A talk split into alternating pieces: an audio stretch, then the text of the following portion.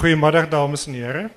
Ik is Etienne Bloemhoff van NB Uitgevers en baie welkom bij vanmiddag se gesprek oor Leon van Nierop se belade vir 'n enkeling. Nou ek het al in die verlede vir uh, Leon in die skanne gesteek deur vir hom te sê maar hy is Brakpan se eerste uh, se gunsteling seun. Ek sal dit nie ek sal dit nie vandag weer doen nie. Maar om om al die veer op Leon se hoed te wil uitlig, dit sal 'n hele volstrys kalstert laat. Maar waarskynlik ook die grootste deel van die 50 minute wat vir hierdie sessie op sy gesit is in beslag neem. Kortliks dis net die volgende. Professor Leon van Nierop is onder meer bekend as vervaardiger, rolprentkenner en resensent en baie mense sal hom verwys as die man met die goue stem.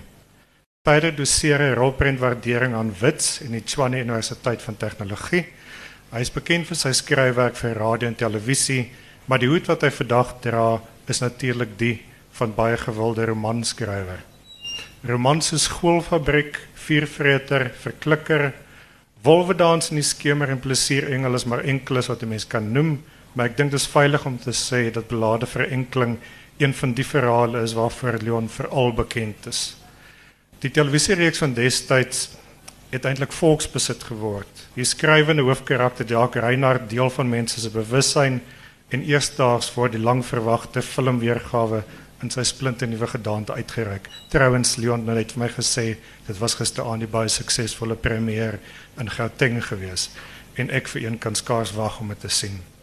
Maar ons is vandag hier om te luister na Leon as skrywer van die baie gewilde roman Belade vir Enkeling. Ek was bevoorreg om die uitgewer van die boek te wees en is iets wat my baie na in die hart lê en al praat ek baie graag daaroor gee ek graag die verhoog vir vir Leon. Leon, ons luister graag na jou.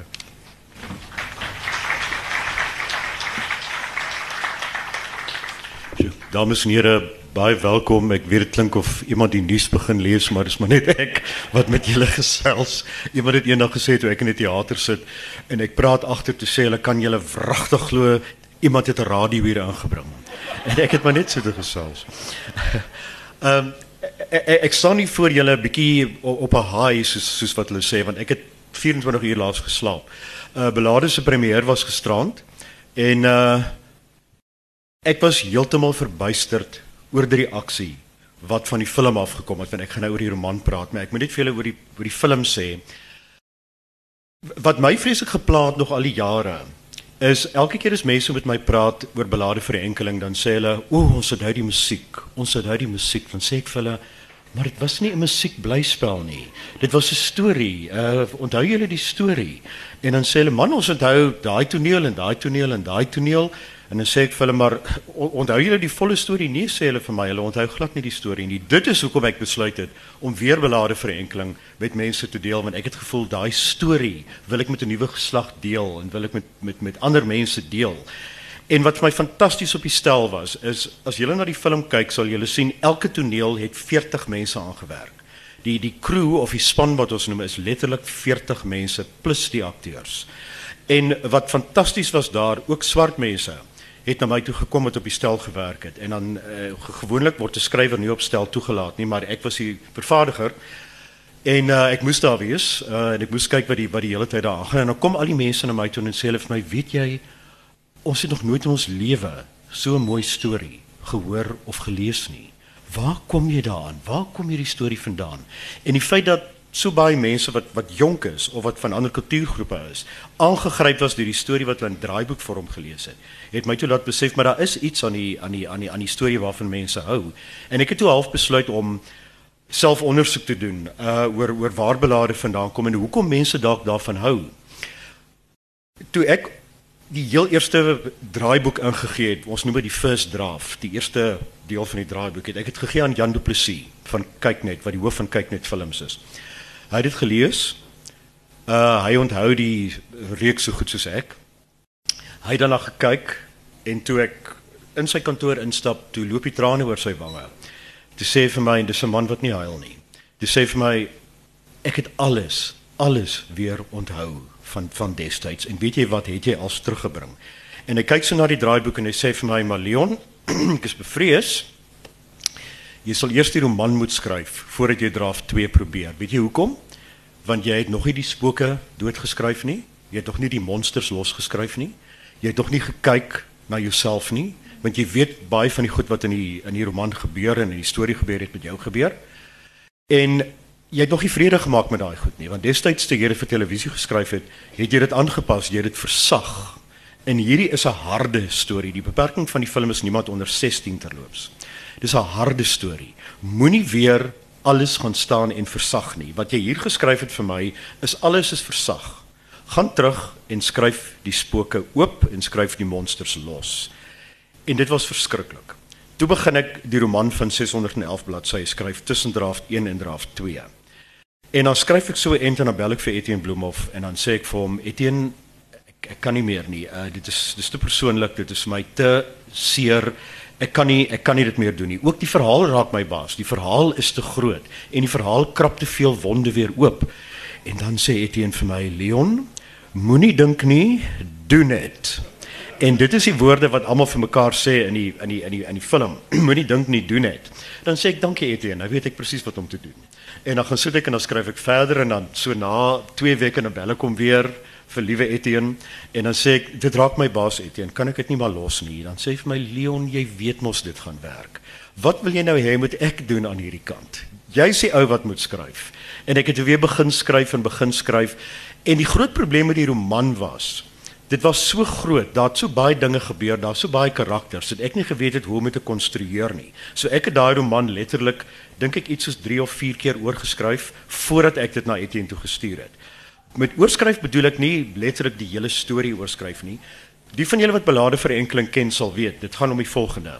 'n Bekende skrywer, Jacques Reinhardt, verdwyn die dag wat hy 'n uh, 'n toekenning kry. 'n Joernalis, Karina Human en ek sien Donnelly Roberts wat die rol van Karina speel, is hang hoeka hier rond en aan die einde van die dag sal julle Armand Oukamp hier buite sien wat Jacques speel.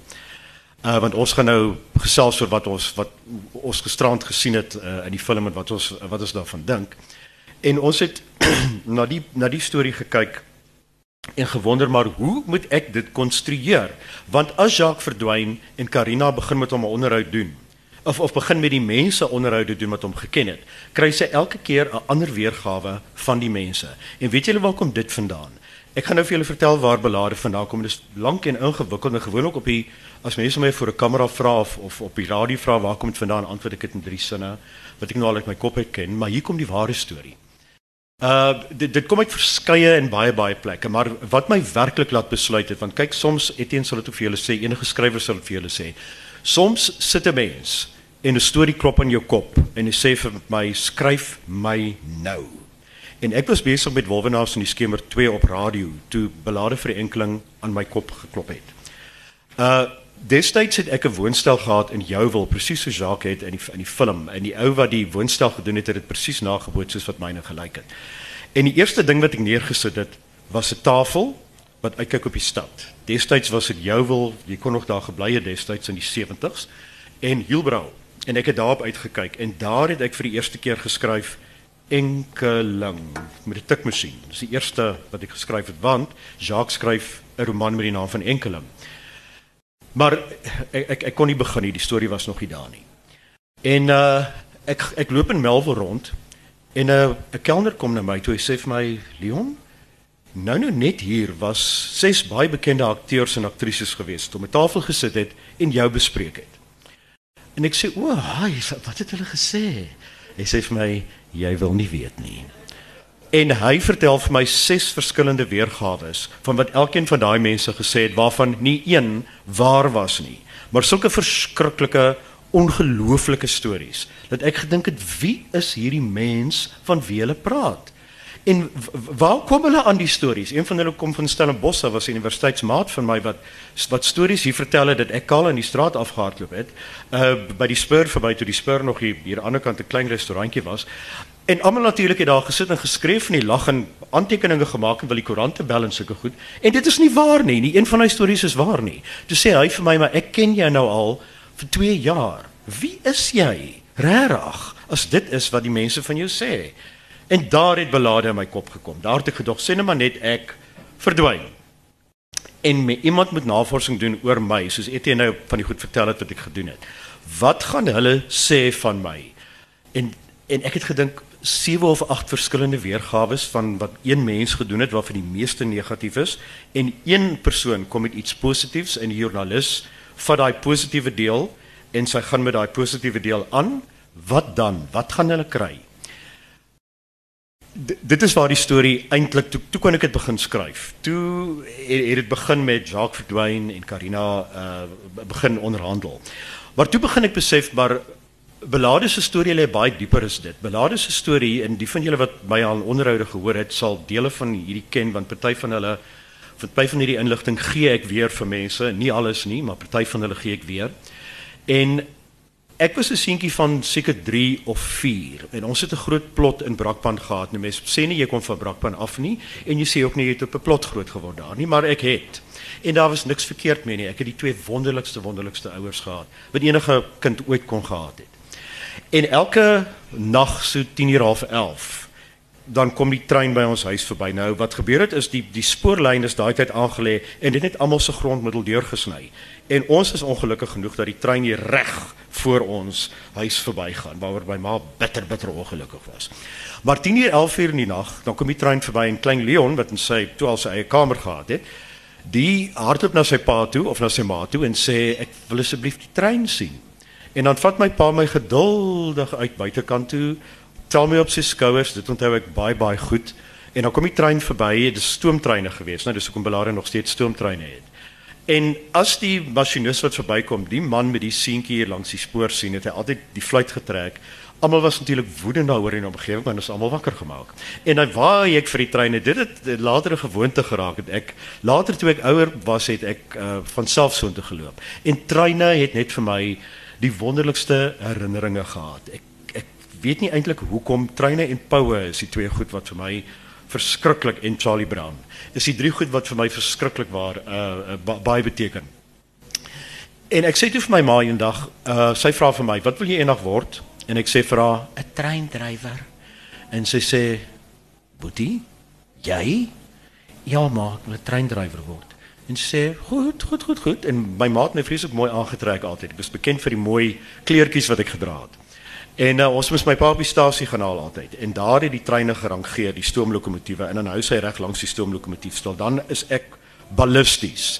Ek hardloop rond, ek klim in die lokomotief, alles. En eendag sê my ma vir die masjinis verduidelik bietjie vir klein Leon, wat doen 'n masjinis? En hy sê maar ek gaan sommer vir klein Leon wys en hy tel my op en dadelik is dit hierdie vuil kwel hande aan my wit hemp en hier sit hierdie veiligheid en hy tog o nee sis. En hy sê vir my weet jy hoe werk 'n treindrywer en hy verduidelik vir my als wat daar wat daar binne aangaan. En onder andere ek kole in 'n in 'n klomp in 'n moet in die in die masjien moet gooi. Ek tog jy trek net die fluit en jy sit en bestuur die ding. En toe ek sien wat regtig daar aangaan, toe besef ek nee, ek het 'n verromantiseerde siening gehad van van wat wat wat treindryf eintlik is. So beland ek in graad 2.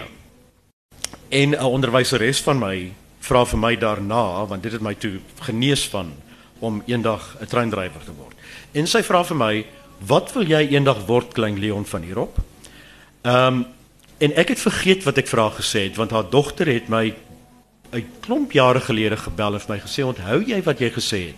Toe my ma vir jou gevra het wat het jy wat wil jy eendag word? Ek het vir haar gesê 'n storiemaker en sy het dit baie interessant gevind. Sy het gesê o waar kom jy aan die woord? Te sê nee ek het dit opgemaak. Dis my woord. Ek wil 'n storiemaker wees. Sy sê jy bedoel seker 'n skrywer. Ek sê nee ek wil stories maak. En van toe af het ek so sê met die bynaam van storiemaker gehad ook ook ook vir my ouers self so het ek lank het het het, het ek deur die hoërskool gegaan met die storie, die karakters in my koppe en ek het nie my ouers regtig waardeer nie. En eendag toe ek nou weer langs die treinspoor speel, toe en ek het my ma my pa iets toegevoeg wat ek nie moes nie. Ek het 'n as 'n resensente skerp tong, maar as 'n kind was dit nog skerper. En uh, in plaas van my pak gee, het hulle gesê, "Weet jy wat wat gaan jou straf eendag wees? Ons gaan doodgaan en jy gaan wrede wrede stiefouers kry." Uh en jy moet kyk wat gebeur dan met jou, want jy waardeer ons nie. En daar het Klaus en Liebet Reinhardt in my kop skielik ingespring. Jacques se ouers. En toe het ek myself as Jacques al begin sien en gewonder, hoe sal ek hierdie verskriklike mense hanteer? En so Jacques en Liebet Reinhardt is is hulle geskep. Baie baie jare later kom Lena in my lewe, die karakter op wie Lena gegrond is. En ek raak verlief soos 'n mens net kan verlief raak as jy in jou vroeg 20's is. Net kan verlief raak as jy jou sielsgenoot kry. Uh en dit was 'n fantastiese verhouding wat vir 12 jaar gehou het. Maar die hele tyd gedurende daardie verhouding het ek besef dit gaan nie hou nie. It's not going to last. En in daai tyd het ek belade vir enkeling begin skryf. Nou skryf ek enkeling en kom ons noem maar die persoon Lena. En Lena kom staan langs my en sê enkeling. Dis nie 'n lekker naam vir 'n TV-reeks nie. Hulle gaan nie dit vat nie. En uh, ek sê vir hom, "Wat moet ek doen?" En sy sê, "Wel, jy's die skrywer, moenie vir my vra nie." En ek sê, "Maar weet jy, eintlik skryf ek belade, skryf ek die enkeling vir jou. Dit is 'n liefdesgedig, 'n liefdesstorie vir jou om vir jou te sê hoe lief ek jou het." En sy sê, "Ja, nee, maar vragtig, ek wil nie 'n storie hê wat net sê enkeling nie." Uh en ons gaan slaap die aand en in die middel van die nag word word ons wakker en sy sê vir my, wat hoe sien jy die storie eintlik en ek sê vir ek sien dit as 'n belade. Ek skryf 'n belade wat 'n verhalende gedig is wat tydspronge maak want want daar is terugflitsse en allerlei goed daarin. Uh dis dis wat ek eintlik skryf. En sy sê vir my jy soek 'n naam nê nee. ek sê ja sy sê vir my belade vir 'n enkeling poepel en dit is waar die die titel belade vir 'n enkeling vandaan gekom het. En dit is hoe dis hoe hy ontstaan het. Nou Ek het dit geskryf vir Sandra Kotse gegee wat destyds die die baas was van TV1. Sy het daai eerste episode een kyk gegee en gesê ons het 'n wenner hier. Ons het 'n beslisste wenner.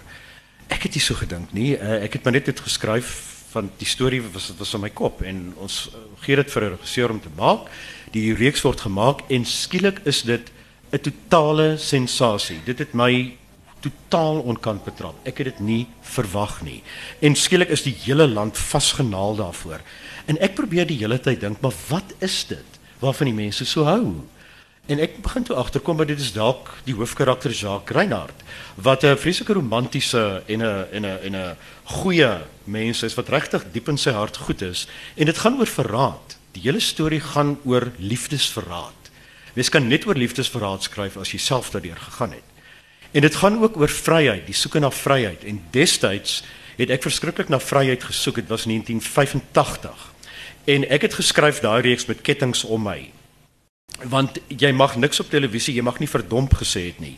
Jy mag eh, Jacques en Lena het saam gebly en hulle was nie getroud nie. Ek mag dit nooit gewys het nie. Hulle ons het hulle maar net altyd gesien, maar ons het nooit geweet hulle het buite buite huwelikse seks gehad nie. Dit kon ek glad nie ooit wys nie. En hoe verder ek aan die storie geskryf het, hoe meer het ek die storie ontman. Hoe meer het ek goed uitgehaal wat daarin gebeur het, veral in Jacques se bloedtyd wat hy sy bloedtyd noem wat ek nie vir julle nou wil weggee nie wat nie die storie ken nie. Want dit is verskriklike goed wat sommige sommige met my gebeur het en ek wou daai monsters doodskryf.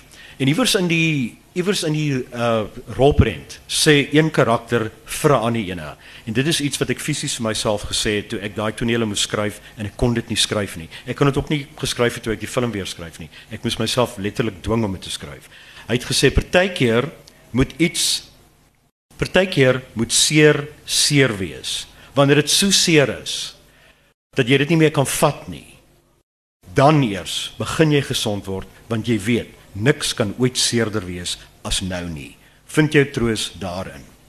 En toe ek dit vir myself sê, en dis woorde wat ook in die in die in die film genoem word, toe begin ek te skryf. Toe begin ek al daai duiwels oopskryf en losskryf en die mense het hierdie tekste gesien en gesê ons het nog nooit in Afrikaans so iets gelees nie. Wat het als met jou gebeur? Toe sê ek man ek versag dit maar 'n bietjie en ek verwerk dit maar 'n bietjie en, en dis hoe dit is. Toe word die reeks uitgesaai en toe begin die mense te sê ons onthou nie die musiek Nou die regisseur het vir elke karakter sy eie tema of haar eie tema gegee. Met ander woorde as 'n karakter op die skerm kom, dan speel daar 'n liedjie en iemand sing en ek het dit nie so geskryf nie. Dit is maar sy interpretasie gewees daarvan. Dis die wat almal altyd die musiek onthou. Dis toe ons die rolprent weergawe maak, toe sê Quentin Krok vir my nie musiek nie nie musiek nie. Ons noem ons gebruik drie temas. Ons gebruik Vosarnooi, ons gebruik belade verenkeling, ons gebruik tussen treine waar ons gebruik dit op presies die regte plekke en jy gaan daai goed inskryf. Jy gaan motiveer hoekom ons daai goed gaan skryf. Maar dit gaan nie 'n musical wees nie. En met daai vryheid al reeds het ek gedink dit dit dit is fantasties wat ek dat ek so kan skryf en natuurlik in die roman ook kon ek skryf presies soos soos dit gebeur het of soos wat dit is Wat ek kon doen met die roman wat ek nie met die film of die TV-reeks kon doen nie, is daar so 'n lang stuk in Jacques se lewe wat ek nooit oor kon skryf nie. A omdat dit te persoonlik was en B omdat dit te seer was en en en en nog ook omdat ek nie daaroor wou skryf nie. En toe sê Etienne vir my, "Maar skryf die storie presies soos jy dit wil skryf. Moenie jouself sensuur nie. Moenie bang wees vir allerlei goed nie. Skryf dit net." En die grootste kompliment wat ek gekry het was toe ek 'n TV-onderhoud doen 'n week gelede. En een van die vrouens wat daar sit kom so na my toe en sy sê vir my, "Oh, as jy jy jy het dit geskryf." Ek sê, "Ja," sy sê vir my, "Oh, weet jy, daai stukke in New York is baie warmer as 50 Shades of Grey ooit kan wees." En sê ek, "Hey," en dit sê vrou, en daar subtext, nee mevrou, dis nie net swepe en goed nie, daar is geen swepe nie. Dit is net met twee mense wat mekaar liefhet en sy en sy sê, "Ja, dis my fantasties." Uh hoe, ek hoop dis in die film. Dis sê ek nie ons kon nie, ons kon nie New York toe vlieg nie. En New York is 'n groot deel van Jacques se lewe en ek kon nie dit werklik uitbeeld nie. Daar was fisies net nie die tyd nie. Want as jy 'n 611 bladsy roman vat en jy verskraal dit na 120 bladsye draaiboek, moet sekere goed in die slag bly. En ek het altyd voor mense gestaan en as 'n bitterbekkige resensent sê ek baie keer vir mense, kill your darlings. Kill your darlings. Jy skryf tonele waarop jy so verlief is en jy sit daar en jy swymel oor jou eie tonele. Die oomblik wat jy swymel oor jou eie tonele, is daar fout. Dieselfde as jy op 'n stel 'n komiese toneel het en die mense wat daar staan lag, dan weet jy die gehoor gaan nie lag nie. As hulle lag, dit sê in joke, hulle lag lag vir 'n in joke, nie vir iets wat regtig snaaks is nie. So dit is uh, uh die die raad wat hy vir my gegee het en die draaiboek was 180 bladsye en ek moes dit verkort na 127. En ek onthou elke keer as ek by Dani Bester en Jan Du Plessis en Quentin Krog kom en ek sit die draaiboek neer, al wat hulle doen is hulle blaai na die laaste bladsy. Hulle sê vir my nog 13 bladsye uit asseblief. Dan sê ek, "Maar wat kan ek nog uithaal?" Hulle sê nie vir ons vra nie. Jy moet dit uithaal. Haal jy dit 'n bietjie uit. Maar in daai proses het iets wonderlik gebeur. Ek het die storie so verskraal en so aangepas dat net die geraamte van die storie het oorgebly. En toe ek die geraamte van die storie het, toe kan ek vir hom vleis omsit. En toe het alles skielik begin sin maak. Om vir julle nog 'n voorbeeld te gee van die roman en die en die en die draaiboek. Toe ek vir Quentin Krog, die jong regisseur, omtrent by ons was by draft 4.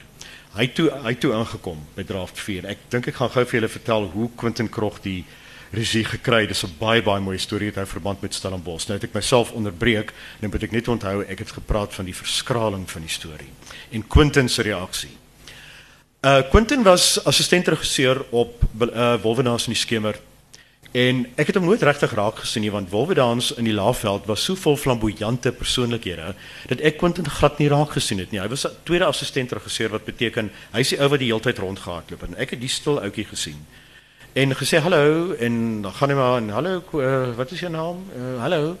En uh, later sê vir my kom van Stellenbosch af en ek sê o nee ek ook en hy sê vir my hy het drama gesat swat en ek sê vir hom hoe ek het ook vir 'n jaar drama geswat hierso.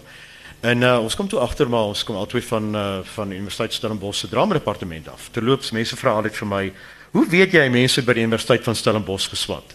Hulle sê vir jou. en toe sê Quentin vir my hy het uit hier geswat. Ons moet toe heen gaan en 'n regisseur kry en uit bittere ervaring met ander produksies. Ek praat van pre-wolwe dans in die skemer.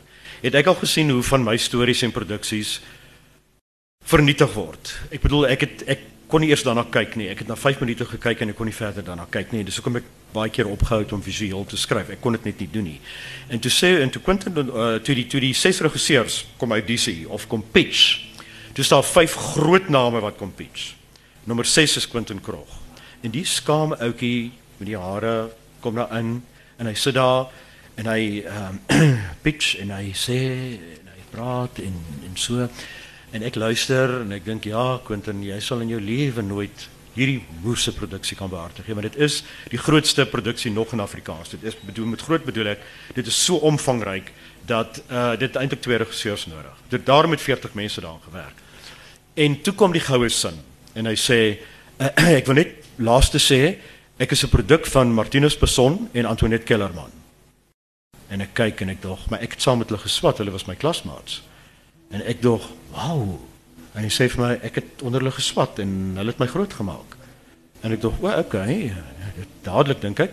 En toe het begin die ander vervaardigers of my sê, "Maar ons moet 'n regisseur kry asseblief." En ek sê, ek, ek kan nog nie besluit nie. Ek wil nog nie. Ek, ek gaan nog nie. Kom hier na toe, kom woordfees toe presies 'n jaar gelede. En wie loop ek vas Martinus beson? En ons besluit om die ou spore weer terug te loop van die universiteitsdae en ons gaan sit by sy geliefkoeste restaurant en eet. En nou sal ek my taalgebruik mooi moet aanpas.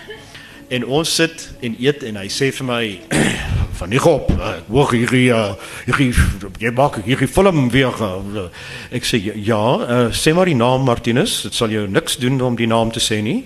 Hy sê ja, hierdie b- blade enkelom. Ek sê ja, ek maak van oh, hoe maak jy dit afgaan nou? Film, dit was dan 'n reeks. Ek sê man ek dis te lank om nou vir jou te verduidelik. Ek gaan nie nou vir jou verduidelik nie. En hy sê vir my en wie wie is die regisseur? En ek sê ehm um, Man, uh, dis 'n ouetjie, ons weet ons is nog nie seker of hy die regie gaan doen nie, maar een van die mense het gesê hulle is 'n produk van jou en Antoinette Kellerman.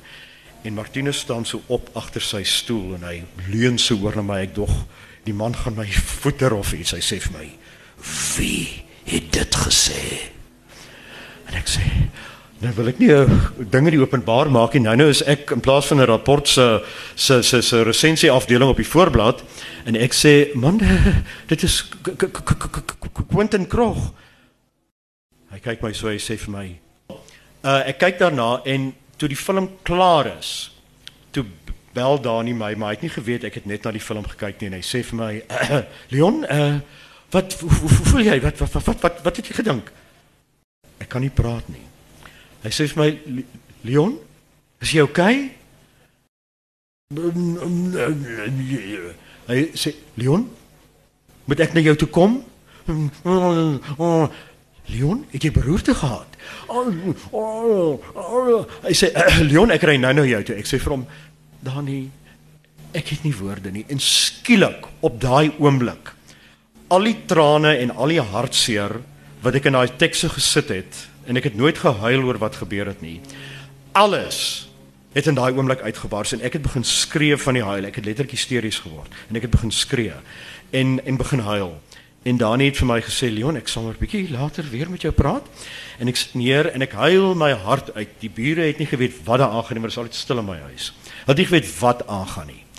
En die eerste persoon wat ek gebel het, na klaar gehuil het, was vir Christia Visser wat jong Lena gespeel het.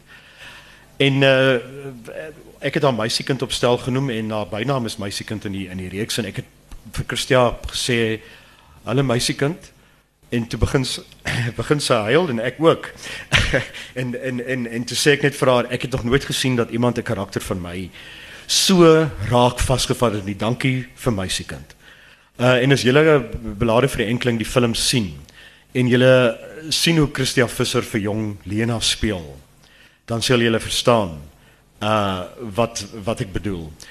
Hier gaan ek vir julle vinnig iets sê en dit kom ook in die roman voor. Toe die twee seuns Jan Paul en Jacques die eerste keer vir Lena uit die water sien klim. Nou het ek daar geskryf in die draaiboek, dit het gelyk asof die son haar gesig soen. En toe ek dit so skryf, toe dog ek geen regisseur gaan verstaan wat ek hiermee bedoel nie. Maar Quentin het daai reël net daar gelos, hy het vir my gesê ek weet wat om te doen. En toe ek die dag op stel aankom en ek sien en dit was in 'n in 'n in die, watergat, die bekende watergat toneel. En ek sien hoe kruip al daai ouens teen daai kraanse rond, hoe sit hulle ligte in daai kraanse, hoe hang hulle lakens, hoe sit hulle reflektors. Alles vir die oomblik as Lena uit die uit die poel uitklim en daai son vang haar gesig. Jy moet kyk as jy die film sien. Die oomblik wat sy omkyk en Jacques en Jan Paul sien haar, is daar 'n lig op haar gesig wat soos die son lyk, maar wat ongods wonderlik mooi is. Uh en elke keer as ek dit sien dan huil ek as as ek dit sien want ek onthou toe ek Lena die eerste keer gesien het. Uh en toe sien ek maar ek is in veilige hande hier. Hier's 40 mense wat wragtig al hierdie goed doen om 1 sekond, 5 sekondes reg te kry. En toe ek dit skryf, toe was daar nie dialoog nie. Die seuns kon nie praat nie. Hulle was so verlief, hulle was so buite hulle self. Hulle kon nie praat nie. En klein Jan Paul wat die bekkigste van die twee was, moes iets sê. Want ek het besef ek kan nie net laat die laat die, die twee mans net daar staan en kyk nie en ek moes een woord vir hom kies om te sê. En daar het 25 woorde deur my kop gegaan. waarvan die een gewerk het nie, waarvan die een simpelder as die ander geklink het. En ek sê toe vir myself, wat het jy van hierop die eerste keer gesê toe jy al gesien het? En ek het die volgende woord en dis die, een van die redes hoekom ons het 16 beperking gekry het. Ek het die volgende woord in Jan Paul se mond gesit en vanaf daai woord in daai mond was Niemand het dit ooit verander nie, dis ook in die roman. Ek het gedog Etienne gaan ook vir my sê haal dit uit en hy kon nie. En daar was net een woord wat Jan Paul gesê het toe hy haar sien en dit is fuck it. Dis al wat hy kon sê. Hy het nie woorde gehad om te beskryf hoe sy vir hom gelyk het nie. En in daai reël en daai woord lê nogal baie opgesluit. Soos julle later sal sien, sal sien in die in die in die film. So mense vra vir my waaroor gaan belade vir die enkeling werklik. Nou ek het reeds vir julle gesê dit gaan oor verraad, dit gaan oor liefdesverraad. Maar waaroor dit ook gaan en ek dink nogal aan ons in hierdie land op die oomblik. As ek vir julle die volgende sê. As dit baie keer verskriklik sleg gaan en jy sien nie 'n uitkoms nie en jy dink dit kan nie waaragtig slegter gaan as wat dit nou gaan nie.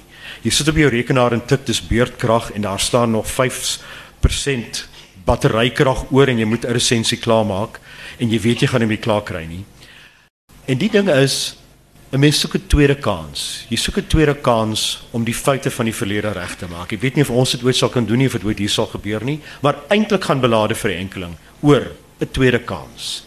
En dit gaan ook oor die feit van soms is jou geesgenoot, jou regte waaragtige geesgenoot iewers en jy weet nie waar daai persoon is nie, jy's met die verkeerde persoon te mekaar. Jy weet nie want jy staar jou blind teen jou liefde vir daardie persoon. En hier kom skielik iemand na jou toe gestuur deur die noodlot. Ek weet nie deur wat nie. Uh, Dani en Jan het net vir my gesê jy mag nie die woord noodlot gebruik nie. Dis na jou toe gestuur. Uh en die hele belade van enkeling gaan oor hoe twee mense wat niks van mekaar weet nie na mekaar toe gestuur word. Uh dit is eintlik waaroor waaroor dit gaan. Ek wil nie vir julle veel meer as dit sê nie, maar dit gaan ook oor vriendskap. Dit gaan oor vryheid. 'n Skrywer moet vryheid hê en toe ek destyds geskryf het en ook vir ander mense geskryf het en ek het nou gepraat van partykeer uh teksredigeerders wat ek partykeer feitelik in 'n bloedpad mee beland het want ek raak baie opvleend as ek kwaad word. ek sien mense gee my kritiek wat wat nie reg is nie, hulle probeer, probeer my storie verander. Ehm um, en, en en en en en dit gebeur dat ek kwaad word vir vir wat hulle sê, dan dink ek jy moet nugter en van buite af kyk na die kritiek. Jy moet die slegte weggooi en net die goeie behou, want 'n koue buiteoog kyk baie keer op die beste manier na 'n storie of na wat jy geskryf het. So maar as ek kwaad word, byvoorbeeld. Ehm um, nou moet ek versigtig praat want anders gee ek allerlei goeders weg. Maar kom ons sê maar die toe toe belade vir enkeling oorspronklik lank terug as 'n film oorweeg is. Het daar iemand na my toe gekom wat dit sou gedoen het en vir my gesê het ek verstaan Jacques Reinhardt glad nie.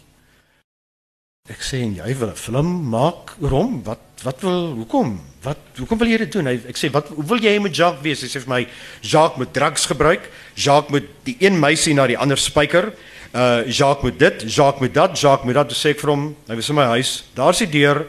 Uit is jy. Weg is jy. Ek verander nie aan daai karakter nie. En toe kom Quentin in en hy sê vir my Leon, Jacques raak by tye so bitter as sneeu dat 'n mens half glo so iemand bestaan nie. Maar nou dat ek die roman gelees want hy het die roman gelees en hy het die draaiboek gelees, toe sê hy vir my maar dit is hoe Jacques is, maar ons moet net oppas dat die mense nie later begin dink my dis letterlik 'n stereotipe van hoe 'n held moet wees nie. Hy moet so hier en daar 'n paar foute inkry. En dit is baie interessant vir my en ek het vir hom 'n paar foute ingeskryf wat vir film is. Tonele wat vir film is.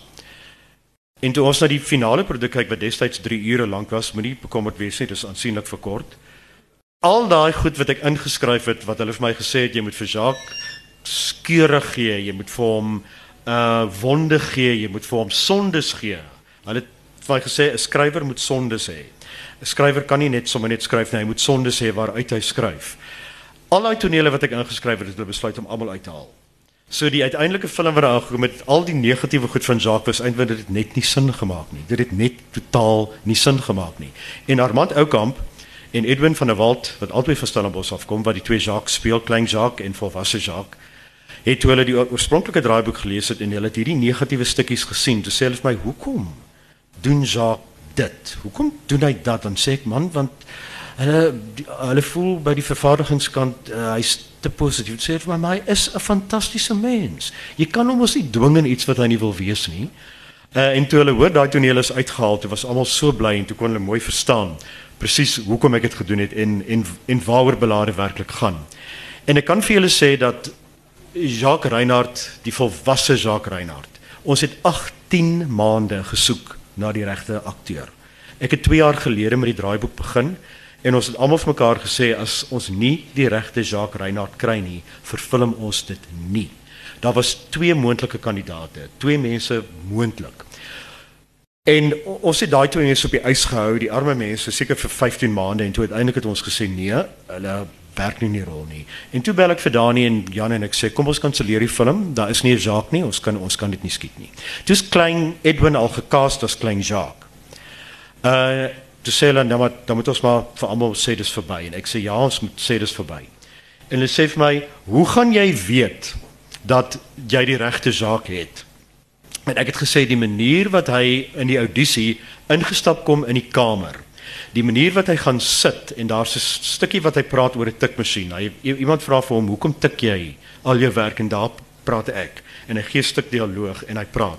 En skielik kom Armand Oukamp ingestap en ek van geen sout of water geweet het. Ek het hom glad nie geken nie. En ek het so gesit en kyk en ek gedink is nog eene, nog eene en daai man stap by daai vertrek in en hy oë kyk en hy begin daai speech te gee. En ek staan uit my stoel uit op en ek sê vir Dani en Jan, ons het hom. Ons het hom. Want hy moet in Gavin van der Berg se voetspore volg. En Gavin het ikonies geraak. En Gavin het vir my gisterand gesê want hy was ook daar. Hy het vir my gesê wat so snaaks was as toe hy in die televisiereeks was en Jacques het mos nou verdwyn vir 15 weke. Dan loop hy rond en hy sit in 'n kroeg, dan skielik bel iemand die polisie. Dan sê hulle ons het Jacques Reinhardt gekry. En dis as Gavin van der Berg kyk, dan is die polisie hier om hom te kom haal. hy was dit was van verskriklik snaaks. En die arme ouetjie wat Gert gespeel het, wat die wat die persoon was in die op wie o oh, Gert het ek nou nog nie met vrede gemaak nie, maar wat Gert gespeel het uh is fisies in die openbaar gedonder. Mense het gekom en hom flenters geslaan. Dat arme Hugo Taljaard nie in die openbaar kon kom vir 15 weke nie. En uh toe ek toe ek besef, jy weet dat daar's iets iets aan die gang, iets iets groters wat ons probeer sê. Of wat ek probeer sê. Dames en here, dit is basies want ek dink ons moet tog tyd hê vir vrae. Dis om te sê ek het 10 minute oor. Ek moet dalk 'n paar vir julle kans gee om vrae te vra want Hemels stel 'n skrywer aan die woord oor homself en hy hou net nooit op nie. Maar ek het gevoel ek wil die werklike storie van Belade met julle deel. So as julle die film sien, gaan julle meer verstaan as die gewone mens wat die film sien. Vir alle Jacques agter sy tikmasjien sit en hy kyk uit oor die stad en hy begin belade te skryf. Was dis ek. Dis ek wat daar sit. Dis my woonstel. So belade verenkeling begin op 20 Maart, dis oor 'n week en 'n half. Die premier is maandag aand. Ek dink hier is Saterdag aand die eerste vertoning van belade. Is dit hier? Saterdag aand is die eerste vertoning van belade verenkeling in Stellenbosch. So as julle hom wil sien, hy hy is hier uh, Saterdag aand. So dit is wat ek vir julle oor belade wil sê. Nou het julle kans om vir my vrae te vra. Uh, my gunsteling film is 2001 A Space Odyssey, American Beauty en Birdman. Dis die drie vrae, die drie wat ek altyd die meeste kry. Behalwe dit, wat wil julle weet? Hallo. Ek was baie jonk, nog klein toe Belade TV gespeel het. Ek kan eintlik niks daarvan onthou nie. Ek is bly want dan gaan jy nie die twists sien kom nie. Dit was my vraag nou. Moet ek eers die reeks probeer kyk en dan die fliek kyk? Moet ek die roman lees en die fliek kyk? Kyk, jy gaan nie die reeks weer kry nie. Ons het hom agter slot en grendel gesit sodat niemand hom kan sien. Nee. nie. Dis glad. Okay. Nee nee nee. Uh, jy kan die roman lees want die roman gee vir jou die hele storie. Die roman vertel vir jou al die blokke wat daar gate in is wat ons moes gate los, soos in die York tyd. Uh dis nie dis nie roman. Uh so mense wat die roman gelees het sê vir my uh, hulle hulle dink hulle gaan die film baie meer geniet omdat hulle Jacques volkome ken en al die karakters en die karakter van Shivas is in die roman wat nie in die film is nie, want ons het nie plek haar gehad nie. Ek moes haar uithaal. Ek het Marie Pens gisterand gesien en sy sê vir my, "Maar ek is nie in die film nie." ek neem maar in eerste instansie jy's te oud om nou die rol te speel en in tweede instansie was dit die plek gehad vir Shivas. Nog 'n vraag.